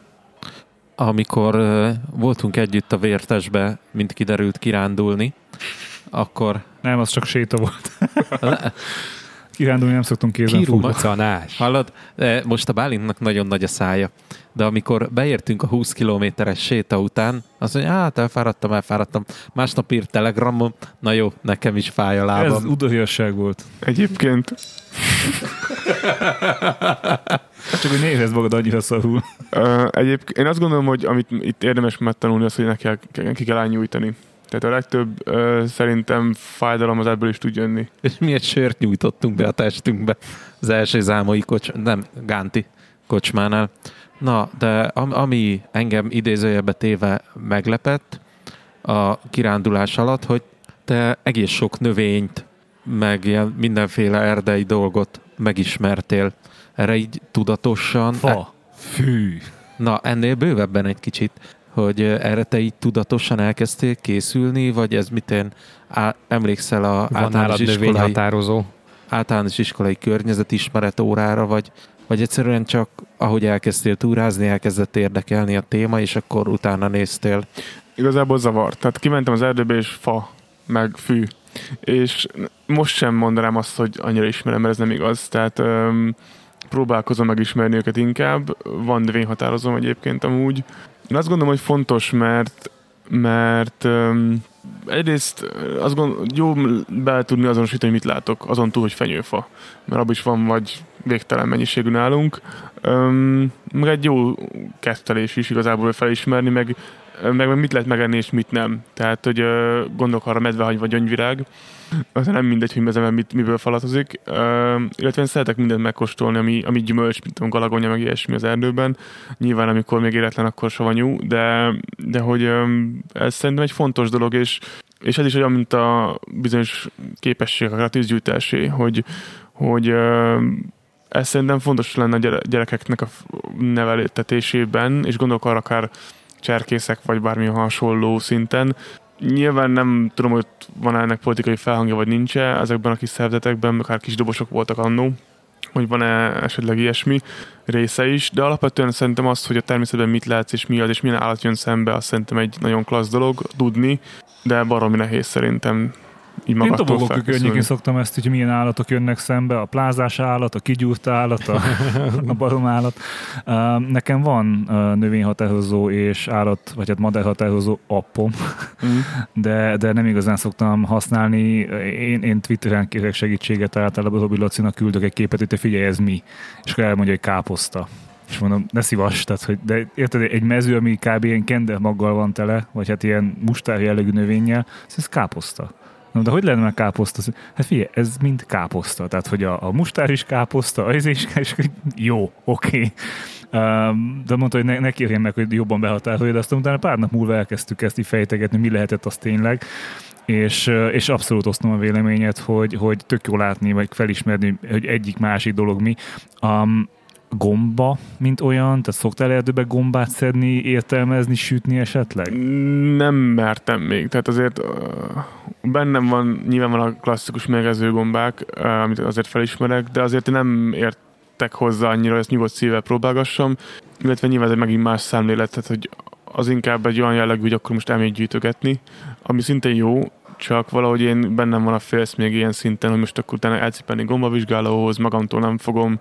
Nekem nagyapám például nagyon sokat járt az erdőt, és ő mindig cipelte haza lehet, hogy többet, mint ami a személyes felhasználásra jogosult lett volna, de ő nagyon ért hozzá, még most is azért szokott erről mesélni, de alapvetően ezt azért nem szoktam még. Nekünk uh, Erdélyben volt gyerekkoromban egy ilyen, hogy, uh, hogy nagyszüleimmel, amikor erdőbe mentünk kirándulni, milyen egész napokat, vagy sokszor több napot is, akkor az úgy benne volt, hogy éppen milyen szezon van, mi érik, és az, az nagyon nagy kipótlása, vagy, vagy ilyen extrája volt az étkezésünknek, hogy, hogy erdei növényeket, gyógynövényeket, gombát nagyon sokat, gyümölcsöket, tehát volt olyan hely, ahol ilyen vadon uh, termő dió, tehát dió, diófaliget, de egy az erdő közepén valahogy oda került, és akkor azt rendszeresen idézőből lelegeltük, tehát ez egy nagyon nagy pótlás volt, uh, és a gombákat azért kérdeztem, mert nekünk az egy nagyon nagy uh, ilyen élmény volt, hogy elmentünk, odafele, amíg eljutottunk a szokásos kiránduló helyünk, addig gyűjtöttünk gombát, ott meg, ott meg abból lett az ebéd Mm. utána, tehát hogy megsütöttük, megfőztük éppen milyen, milyen uh, módon, illetve hát nyilván ezt el is lehetett tenni. Kirántottátok? Nem, egyébként ott nagyon sok ilyen őzláb, vagy hát uh, ehető uh, galóca, piruló galóca volt, ami kisütve olyan, mint hogyha egy csirkemel filét ennél, tehát olyan, Mhm. olyan íze van és, és emiatt nagyon-nagyon jó volt, illetve a másik, ami nagy kedvencem, az a keserű gomba, az egy ilyen tejfehér és ilyen csípős, kesernyés teje van a leveleit így megtörve, és azt mondjuk jutúróval, meg kis szalonnadalokákkal így kisütve, az így, tehát az, az instant orgazmus kb. Van egy téma, amit eddig eh, nagyon kerültünk, mint a, a forrókását, hogy viszel-e magaddal elektronikát?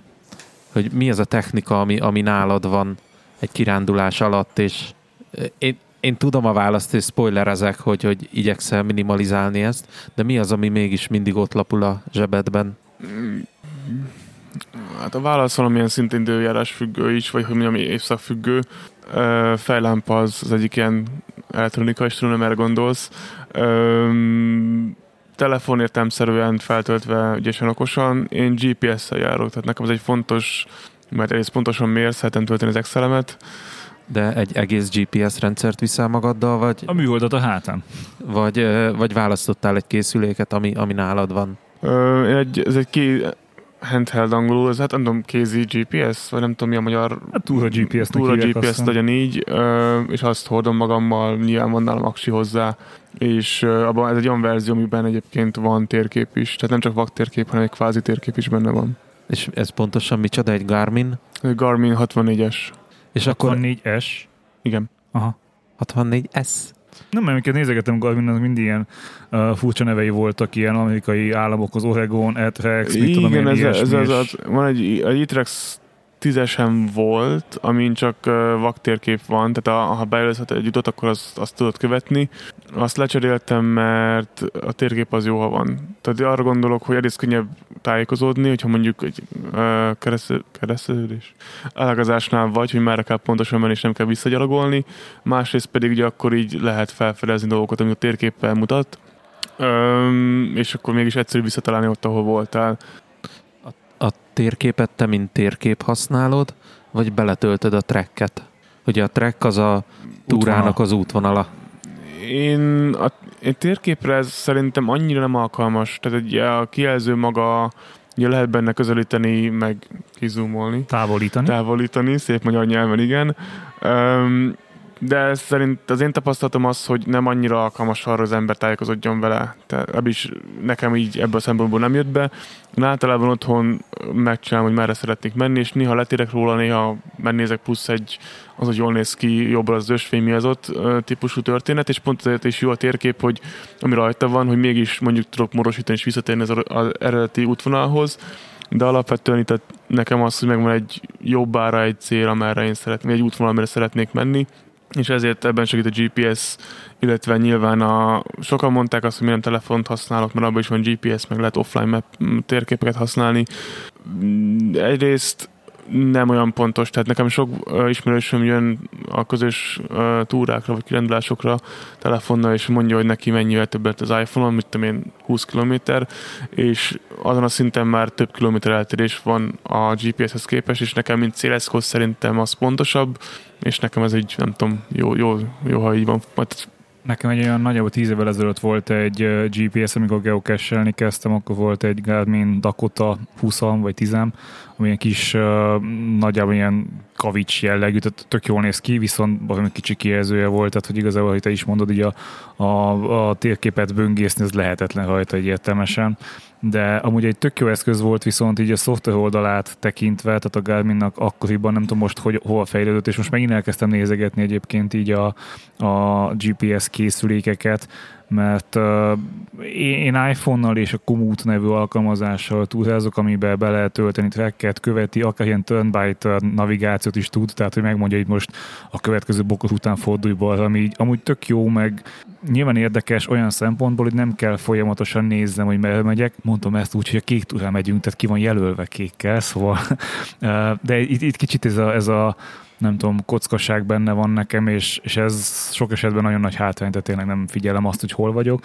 Erről le akarok jönni, vagy le akartam jönni, és nézegettem alkalmazásokat, viszont félek a szoftvertől, hogy most az mennyire kezelhető, mennyire intuitív. Tehát nyilván egy iPhone vagy egy mai okostelefonhoz képest nem tudom, hogy a Garminnak a szoftverei mennyire kiforrottak, mennyire intuitív, hogy én feltöltöm azt a tracket, és azonnal átmegy, és így értelmesen lehet, vagy ebbe megint bingizni kell, és burrálni kell az összes dolgot. Hát nézd, én az, én nekem az a tapasztalatom, hogy, hogy én nem hiszem, hogy kihasználom a saját kézi GPS-emet, tehát én tényleg rárakom a tracket, végigkövetem, és kb. ennyi most nagyon leegyszerűsítve, mert nézem, hogy kb. mikor érek be szerinte a célba, meg, meg milyen gyorsan megyek néha, meg hány kilométert mentem eddig. Öm, illetve nyilván az a, az a funkció, hogy le lehet térni az útról, és visszamenni, és megnézni, hogy hol vagyok. Öm, arról, hogy leszokjuk arról, hogy GPS nézegessem, az, az általában nekem azért van, főleg ha hosszabbat megyek és elfáradok, akkor mondjuk nem, akkor jó ránézni, hogy igen, jó helyen vagyok, és akkor be fogok érni a busz megállóval beterveztem, és akkor nem kell erre úgymond figyelni, mikor már mentem, mentem hány kilométert. Uh, hogy hogyan jöjjek le róla, azt meg úgy szoktam, hogy ahol én csinálom az útvonalat magát, hogy egy, egy init, initi, initier, vagy initer, initer, hogy hívják azt? Finiter. Initert olyan csinál, amit én nagyjából... Itiner. Itiner, igen, tudtam, hogy nem jó. A lényeg a lényeg, hogy azt megnézem, hogy tudom, azt mondja, hogy tudom, piros, zöld, és akkor hogyan, hogyan váltok mire, és akkor úgy nem kell annyira nézni. És de nem szoktam kinyomtatni, amikor akár papírra felírni, és akkor mennyivel menőbb keresgélni a fákon, de ha mondjuk nagyon nem akarnak előjönni, akkor ránézek a GPS-t, és akkor á, jobbra kell menni. Na mondjuk ez, ami nekem hiányzik a komútból, hogy, hogy ő nem tesz, tehát nincs itiner, és ezt magamnak szoktam néha összehakni, tehát nézem a térképet, itt arra visz, akkor itt átfordulok, Mm. amikor nem a kéken megyünk, és az, amikor nem a kéken megyünk, ez nekem Covid alatt jött, hogy, Mm. hogy Ugye kék- túrának azért nincs olyan lehetősége sok szakaszon, hogy mondjuk megbonsd a túrát így értelmes helyen, hogy mondjuk BKV-zni tudjál, vagy hát bocs, tömegközlekedni tudjál. Azt meg nem tartom egy um, emberi dolognak, vagy egy értelmes dolognak, hogy két autóval megyünk, egyiket ott hagyjuk, átvisszük a másikhoz, tehát hogy ez szerintem tökre nem. Ugyanakkor nyilván jó lenne. Na mindegy, és azért kezdtünk el rövidebb szakaszokat nézni, hogy kéken elmegyünk egy szakaszt, és utána egy másik úton visszamegyünk az autóhoz, vagy éppen a kiindulási ponthoz, ahol van tömegközlekedés.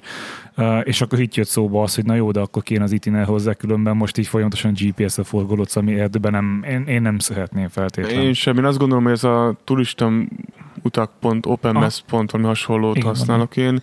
Ugye ott én úgy szoktam megtervezni, hogy a, tehát én szeretek lehetőség szerint nem körtúrát csinálni, hanem A-ból B-be menni, mert úgy általában változatosabb tud lenni a táj. Üm, és ugye betervezem a, mit tudom én, a vasúttól a vasútig, és akkor oda fog, be, oda fog beérni vele.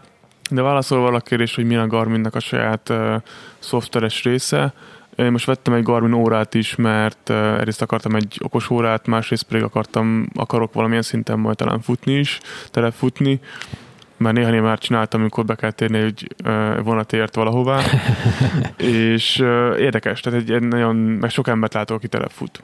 Tehát volt egy ilyen része is, és nyilván az okos óra ez, ez már két app- appel működik, van egy, ami az egész napos egészségügyi dolgot méri és mutatja, van egy, azt hiszem Garmin Explore is, ami kvázi Bluetooth-on keresztül telefonodon látsz egy térképet, akár offline-ban is, hogy hol vagy. Tehát ez valamilyen szinten ki, tehát úgymond ki helyettesíti a kézi GPS-t, bár gondolom az órám annyira pontos, mint egy, mint egy uh, nagy kézi történet.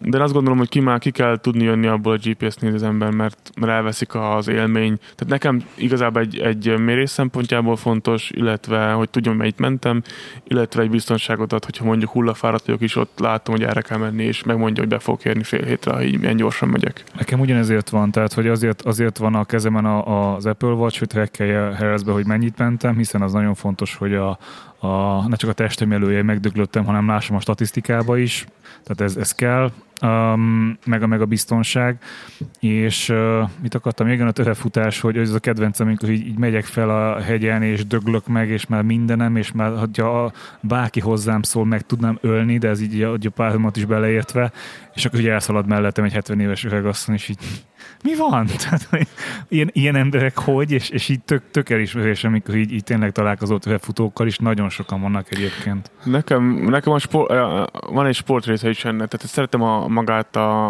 a, ahol vagyok, a közeget, és van egy ilyen kvázi meditációs hát ne, része is ennek. Nem is tudom, ki mondta, egy valami stand mondta, az, a férfinak van az üres doboz.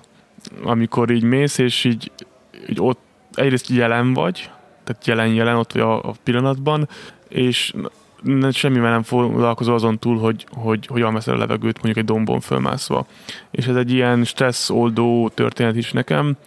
Uh, illetve a sport része szerintem pedig az, hogy majd hogyan fogunk, hogy fogok kinézni mondjuk 30 év múlva, azt most kell megalapozni. És most nem arra gondolok, hogy jaj, de szép leszek, hanem az, hogy mennyire leszek egészséges. Azt nem majd 58 évesen kell kitalálni, hogy ú, basszus, hát mindjárt 60 leszek, mi van.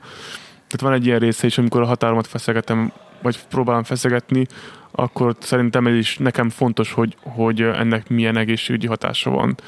Um, mióta túrázom, én fogytam kb. 10 kilót. és az, az egy szerintem fontos, hogy egy ilyen részére is az ember szembesüljön, hogy, hogy ennek milyen kihatása van akár az állóképességére, és ezért is érdekel például a mérés része, hogy akár mennyit tettem meg egy év során, illetve hogy kb hozzávetőlegesen az mennyivel gyorsabban megy mondjuk. Tehát az átlag sebességemre gondolok például. Mi volt az a legérdekesebb dolog, amivel találkoztál az erdőben? Tehát, hogy ilyen furcsa túrázó, híres ember, furcsa állat, tudsz ilyet kiragadni? Ez a jó kérdés. Én, én azt mondanám, nekem a kínálvás még mindig, tehát relatív ritkán csinálom még, tehát sokkal ritkábban, mint szeretném, és ennek van nekem egy, legyen tánc. Szóval ennek van egy ilyen élmény része számomra, hogy, hogy, hogy a természetnek a ciklusát végig lehet nézni. Tehát az a májusi túra, amit meséltem a 94-es, én akkor direkt kitértem, hogy kint uthassak egy, egy kilátóban, ami plusz 18-20 km volt, hogy az meg lehessen, és végig nézni azt, hogy a, nem megy a nap, a vihar, a felő, hogy néz ki, a, a, meg a nap hozzá, meg a, ahogy látni, mondjuk 30 km-re leszakad az ég, és ott ömlik az eső, és jön a világ vége. Illetve az, hogy az a hétköznapi kényelem, hogy felkapcsolom a lámpát és világít, bekapcsolom a fűtést és meleg, fűtést és meleg van, vagy ö, nem tetszik a póló, felveszek egy másikat, az teljesen átértékelődik úgy, amikor az ember mondjuk ezt nem teheti meg, vagy nem annyira egyszerűen. Tehát gondolok arra, hogy tüzet kell rakni, akkor el kell mennem fát gyűjteni, fel kell darabolnom, be kell gyűjteni, vagy csak simán a gázfűzőt beindítani, és ott egy, egy megleves milyen jó tud lenni. Ahhoz képest, hogy ez egy, ez egy haszontalan kaja, semmi tápérték, de mégis egy, egy meleg leves, vagy egy meleg tea milyen hozzáadott értéket tud adni. És szerintem ezért én ahogy mondjam, tehát mindenkinek más a határértéke, hogy mi az, ami feszegetésnek számít. Nekem például ez, ami igazi élményt tud adni.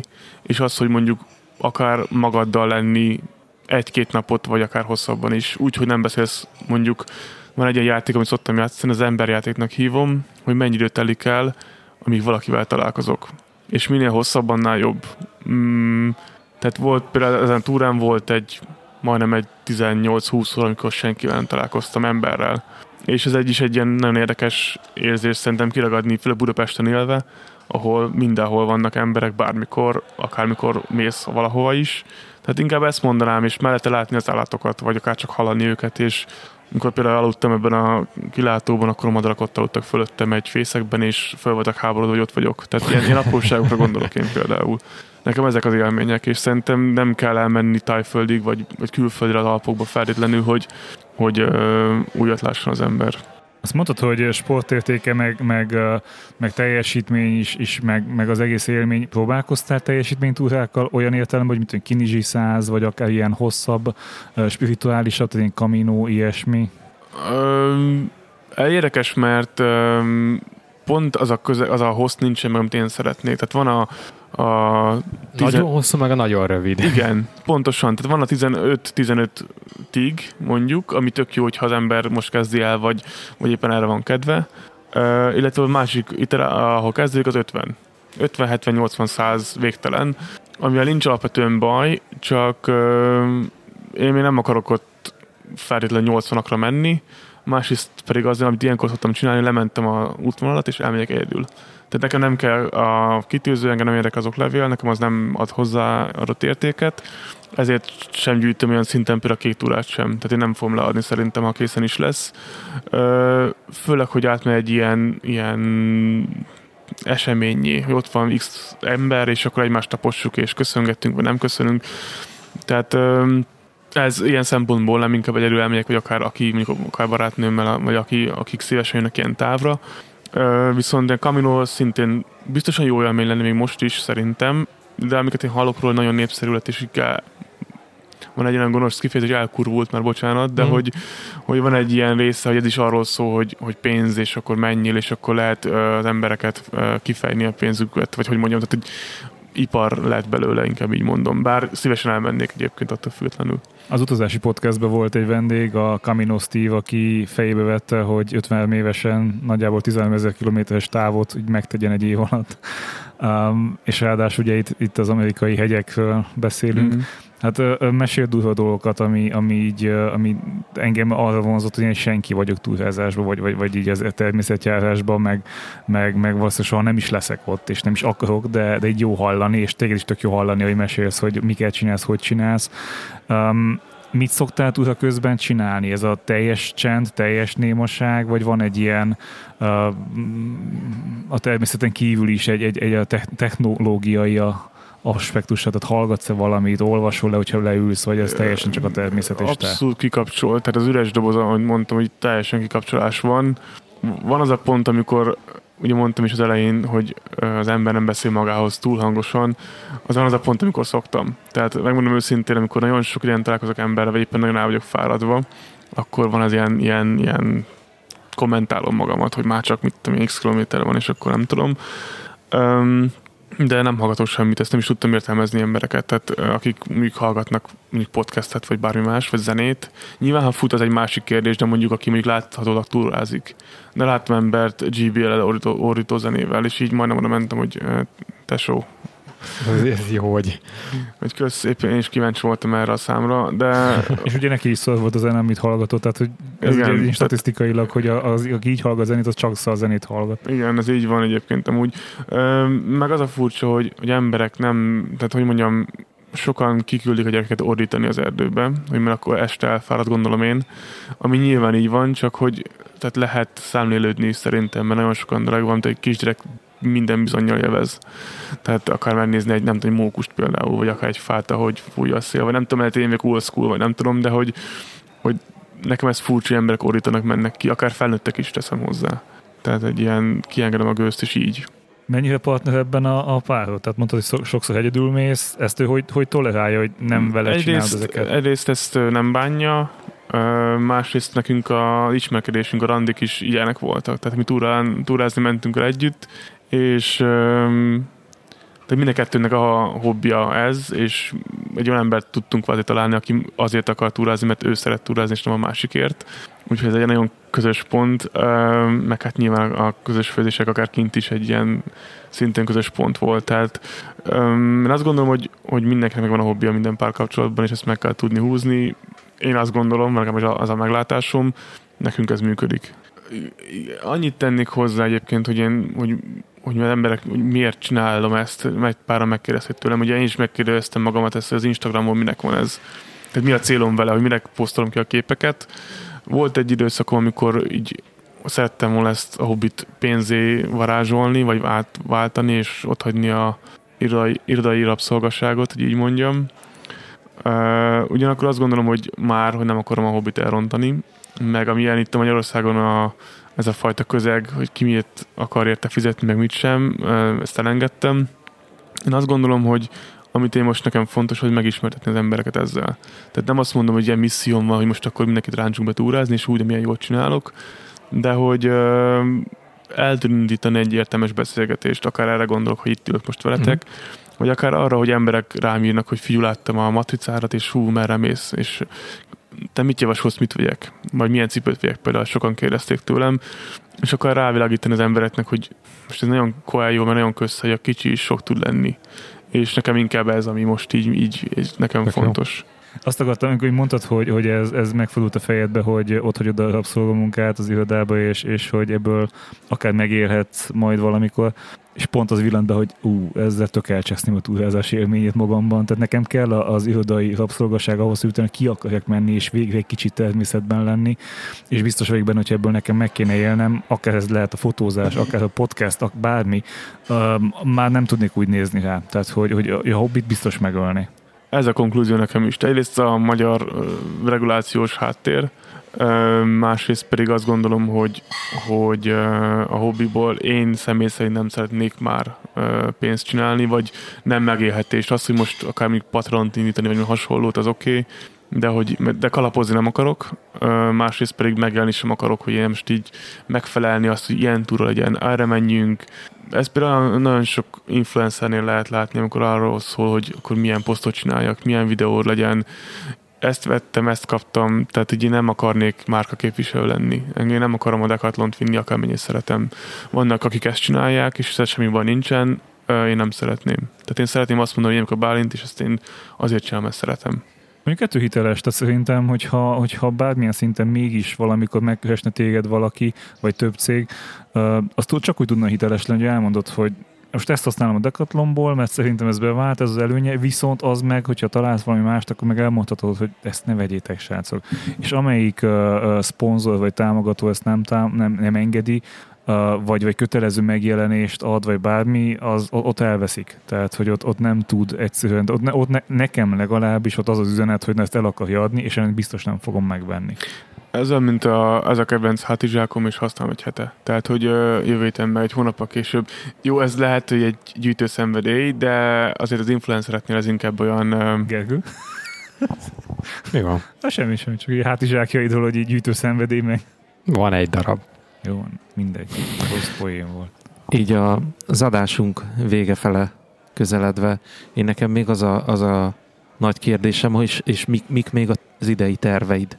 Ez egy kiváló kérdés. Um, ugye Covid eléggé keresztül húzta a számításomat egy bizonyos szinten, um, illetve meló miatt sem tudtam annyit foglalkozni ezzel, mint szerettem volna. Tehát a, én a blogban sokkal több uh, időt szerettem volna szánni, uh, de hogy válaszolja a kérdésedre is, um, ami még lehet valamilyen szinten felmérni azokat a túrahosszakat, ami nekem még úgy tetszenek, tehát a 40-50-es kategóriát, uh, illetve kicsit jobban feltérképezni a magyar turista szállásokat, amik talán is komfortosak, vagy relatív komfortosak, hasonló, mint amit ti is csináltok a, a kávézókkal, illetve nekem ki van tűzve egy hossz, amit szeretnék elérni, amit letúrázok ebben az évben, és abban még sajnos még teljesíteni kell. Nem sajnos, de hogy még teljesítenem szeretnék pár száz kilométert. Hát akkor kívánjuk neked, hogy összejöjjenek ezek a Kilométerek? kilométerek, és nagyon szépen köszönjük, hogy eljöttél hozzánk vendégnek ide a Specialty adásba. Minden információt a Specialty adásról megtaláltok a Patreon oldalunkon, ahol ezeket az adásokat megkapjátok egy hónappal előbb, mint a, a rendes feedbe. A kotyogóspodcast.hu oldalon minden adásunkhoz találtok egy-egy leírást. Bálintot megtaláljátok a bálintúrázik.net oldalon, minket megtaláltok, és Bálintot is megtaláljátok Twitteren. Nekünk írhattok e-mailt a kotyogóspodcast kukac gmail.com címre. Bálintnak írhattok e-mailt a bálinthikes.gmail.com címre, és tartsatok velünk legközelebb is. Sziasztok! Ciao. Sziasztok! Jaj, pötyit, lájkot, csillagot kell még adni. Mindent. Hello! Ciao, ciao.